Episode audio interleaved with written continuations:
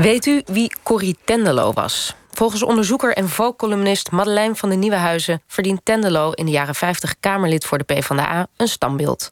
En deze week lanceert ze een petitie om dat voor elkaar te krijgen. Ze is hier samen met Hedy Dancona... de grand dame van het Nederlandse feminisme in de politiek. Welkom beiden. Dankjewel. Uh, Madeleine, om met jou te beginnen. Hoe is Corrie Tenlo op je pad gekomen? Ik was eigenlijk met mijn moeder aan het bellen... en ik vroeg een beetje naar, uh, naar het leven van mijn oma. Zij is inmiddels overleden. En ik zei, hoe zat dat ook weer? Want oma, oma moest toch met ontslag of zo toen ze trouwde. En moeder zei ja, ze werd, zoals het dan heette, eervol ontslagen toen ze trouwde. Mijn oma was namelijk in overheidsdienst. Dus dat betekent dat als je ambtenares was, of secretaresse of juffrouw, dat je ja, de dag uh, van je trouwen uh, de zak kreeg, heet dat zo? Um, en wat ook zo was, was dat um, mijn oma dus zelf geen inkomen had. Ze kreeg wel huishoudgeld van mijn opa. Um, dat constant besteden. En ik vroeg een beetje door. En mijn moeder die vertelde het mooie verhaal dat mijn oma bij de Albert Heijn zegeltjes spaarde. En toen was het nog zo, begin jaren 50 bij de Albert Heijn, dat als je 450 zegeltjes had gespaard, dat je dan uh, 52 contante guldens kreeg. En dat was het geld dat zij in een apart portemonneetje bewaarde en zelf te besteden had. En, en, en wat kocht ze daarvan dan, stiekem? Nou, daar kocht ze bijvoorbeeld stiekem uh, koffie en taart van, uh, samen met haar dochter uit een eerder huwelijk. Wat mijn opa eigenlijk maar een beetje een onzin besteding vond. Dus in de column zeg ik ook... mijn oma kocht eigenlijk haar vrijheid bij de Albert Heijn op die manier. Maar goed, toen ging ik dus kijken van... hoe zat dat eigenlijk met die wetten? Want dat zijn, dat zijn de verhalen. Maar hoe heeft dit kunnen gebeuren? Wat, wat waren de reglementen, wat waren de wetten? Dus ik ging een beetje zoeken. Nou, dat was nog een heel uh, gedoe om, om erachter te komen... wie dat eigenlijk had veranderd en wat er überhaupt gaande was. En toen kwam ik via de boeken van Alice Pechtel en Els Kloek... beide historici, um, op Corrie Tenderlo. En Corrie Tenderlo heeft dus eigenlijk voor twee dingen gezorgd. Eén, dat um, gedwongen ontslag, uh, zogenaamd eervol ontslag... dus werd afgeschaft als reglement binnen vrouwen en overheidsdienst. En uh, met de motie Tenderlo in 1956. En ook kort daarna afschaffing van uh, de bepaling van handelings... zoals het heette, handelingsonbekwaamheid van vrouwen. Wat dus gewoon in de fucking Nederlandse grondwet stond. Tot We 19... zitten hier op zondagochtend. Oh, sorry, ja. sorry, sorry. Tot 1956 ja. in de grondwet stond. Ja. Uh, nou heb jij een, een Instagram-account, Zijkschrift. Dat heeft geloof ik veel jonge volgers. Hebben die, heb jij enig idee dat zij weten... wie Corrie Tenderlo Tweede Kamerlid voor de PvdA was? Um, nou, dat kan ik je vertellen. Want um, nou, ik was hier dus mee bezig en ik dacht, ik wil er iets mee. Ik wil er misschien een column over schrijven. Um, ik was een beetje bezig en ik dacht, is, ben ik, zeg maar, heb, heb ik het gemist? Weet je, dat, dat kan ook. Dus nou, ik heb, ongeveer, ik heb nu 21.000 volgers op Instagram. En voor de mensen, voor de luisteraars die niet weten... je kunt stories plaatsen, korte filmpjes op Instagram... die na 24 uur verdwijnen. En die kijken veel mensen dan. En daarop vroeg ik... wie heeft er thuis school- of studieboeken, school- of geschiedenisstudieboeken liggen? Um, ga, pak die eens beet. Ga eens naar het register en maak een foto van het register. Staat de naam Corrie Tenderlo erin? Nou, toen kreeg ik ongeveer 200 foto's in mijn, in mijn, uh, in mijn inbox. Allemaal zonder Corrie Tenderlo. Dus om kort te gaan, nee. Men weet niet wie Corrie Tenderlo is. Hedy Dancona, uh, jij wist vast wel wie Corrie Tenderlo was. Of Jawel, ik wist wel wie Corrie Tenderlo was. Maar het is absoluut waar dat uh, zij vergeleken met andere feministen uh, rond die tijd... zo'n 19, tussen 1900 en 1960 eigenlijk um, niet vaak of bijna nooit genoemd werd. Wel dat werk. Uh, wij wisten wel dat wij aan haar te danken hadden... Uh, dat de handelingsonbekwaamheid, het is al genoemd... en dat ontslag van gehuwde ambtenaressen... Um, onmogelijk werd gemaakt. Maar in tegenstelling tot nou, Aletta Jacobs, Rosa Manus... Um, Wilhelmina Drucker hè, van de Dolomina's was zij eigenlijk, uh, haar naam uh, kwam niet zo voor. Er was ook geen biografie. Uh, wij wisten eigenlijk heel weinig dus van zij was een stille, noeste werker... die door de tweede feministische golf eindelijk een beetje over het hoofd werd gezien. Ja, er zullen er ongetwijfeld nog veel meer zijn geweest. Suze Groeneweg, de eerste vrouw die toen het mogelijk werd... om op een vrouw te stemmen in de Kamer kwam... die kwam ook niet zo vaak voor. Maar absoluut, die naam is nu uh, die boeken van Els Kloek verschenen zijn. Als naam wel weer verschenen, maar door ons uh, niet echt geroemd genoemd. En hoe kan dat, dat zij zo vergeten was? Ja, uh, nou, eh, wat ik zeg, er zullen ongetwijfeld meer uh, vergeten zijn. En de namen die ik noem, die niet vergeten waren... dat zijn ook vrouwen over wie dikke boeken zijn verschenen. En ja, uh, de Dolomina's hadden hun naam ontleend aan Wilhelmina Drucker... een vurig activiste.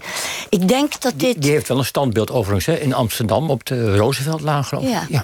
ja. Nee, maar ik denk dat Kijk, zij heeft dus echt heel lang in de Kamer gezeten. En dat is natuurlijk ook heel veel werk uh, uh, wat wordt verricht... maar nooit meer iemand naar taalt.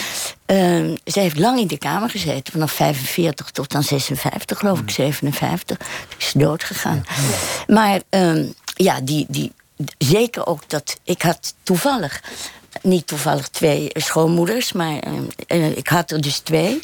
Eén was um, uh, onderwijzeres met groot plezier. Was al heel bijzonder, want de broers hadden allemaal gestudeerd. En zij konden naar de kweekschool. En zij werd dus ontslagen. En was daar echt uh, woedend om. Woedend. Toen ze trouwde werd ze ontslagen. De andere, dat is uh, van mijn laatste man. moeder is 45 jaar geloof ik onderwijzeres geweest... op een school in Amsterdam. Maar zij was getrouwd met een kunstschilder ook. Ehm, en zij was dus kostwinner.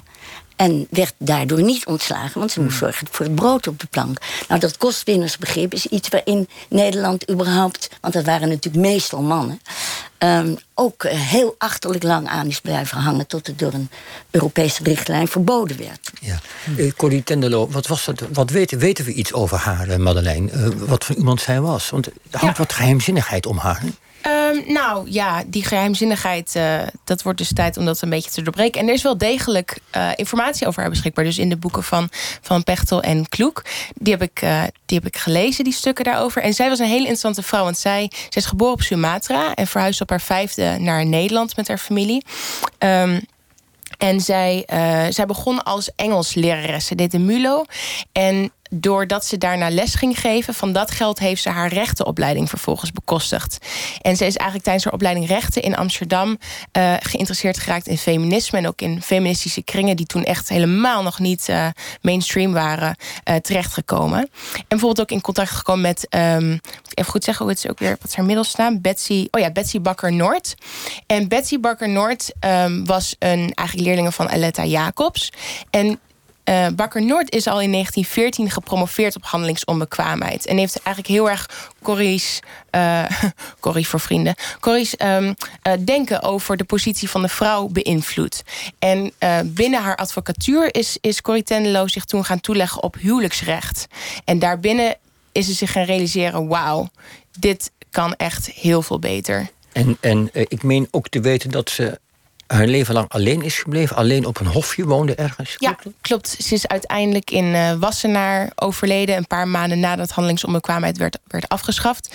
Um, en uh, ja, ze woonde met haar katten in, in Wassenaar. Ja. Maar het is dus en, zo, zou het kunnen dat dat geen toeval was? Dat, dat, ja, ga door. Sorry. Nou, um, ik bedoel, er zijn allerlei scenario's. Maar één, één gedachte is natuurlijk... Kijk, als Tendelo getrouwd was... dan, had ze on, dan was ze ontslagen hmm. geworden. Dan had ze niet meer in die kamer kunnen zitten. Dus... Um, Afgezien nog van of, uh, of er uh, romantiek op haar pad kwam. Dat alleen al was een reden voor haar waarschijnlijk om het niet te doen. En nu moet er dus een standbeeld komen volgens jou. Mhm. Hoe ga je dat realiseren? Wat is het plan, de campagne? Nou, onder andere door hier te zitten en de luisteraars op te voeren. Ga naar www.standbeeldvoorcorrietendelo.petities.nl Um, en waar moet het komen en hoe moet het In het politieke hart van Nederland, in Den Haag... bij voorkeur niet op een obscuur pleintje. nou, wordt nog iets duidelijker. Waar moet het bij voorkeur komen? Nou, dat, dat, daar ga ik verder niet over. Ja. En, en Hedy eens? Uh, ja, natuurlijk. Um, ik, um, ik vind het uh, eerherstel...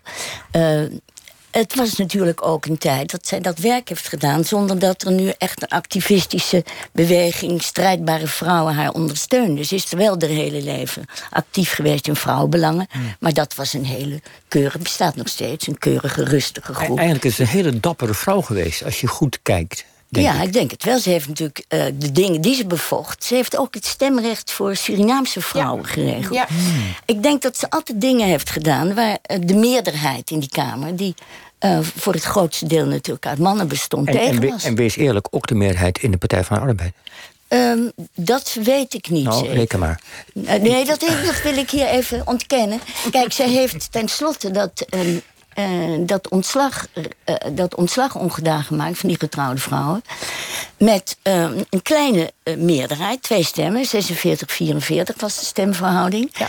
Dus daar moeten ongetwijfeld eh, niet alleen vrouwen, dat is nog bijzonderder, vrouwen uit andere partijen aan, eh, aan meegewerkt hebben, waarvan de mannen er tegen waren. Maar de, de mannen waren er in de Partij van de Arbeid, hebben dat ondersteund. Madeleine, jij wil nog iets afsluitend zeggen of niet? Ehm, nou, meer een detail. Wat, wat, ehm, het is natuurlijk ook een groter verhaal over vrouwen in de publieke ruimte. Een correspondent heeft vorig jaar onderzoek gedaan naar grootstedelijke straatnamen. Als je kijkt naar uh, van de 100 straatnamen die naar mensen zijn vernoemd, zijn er 88 naar mannen vernoemd. Dus dit gaat ook over meer dan alleen Corrie, maar laten we bij haar beginnen. En ze heeft ook geen kamer of zaal in de Tweede Kamer. Er is nog veel andere recht. vrouwen wel. Is Dus er is veel nog veel te te doen. En aan jullie zal het niet liggen.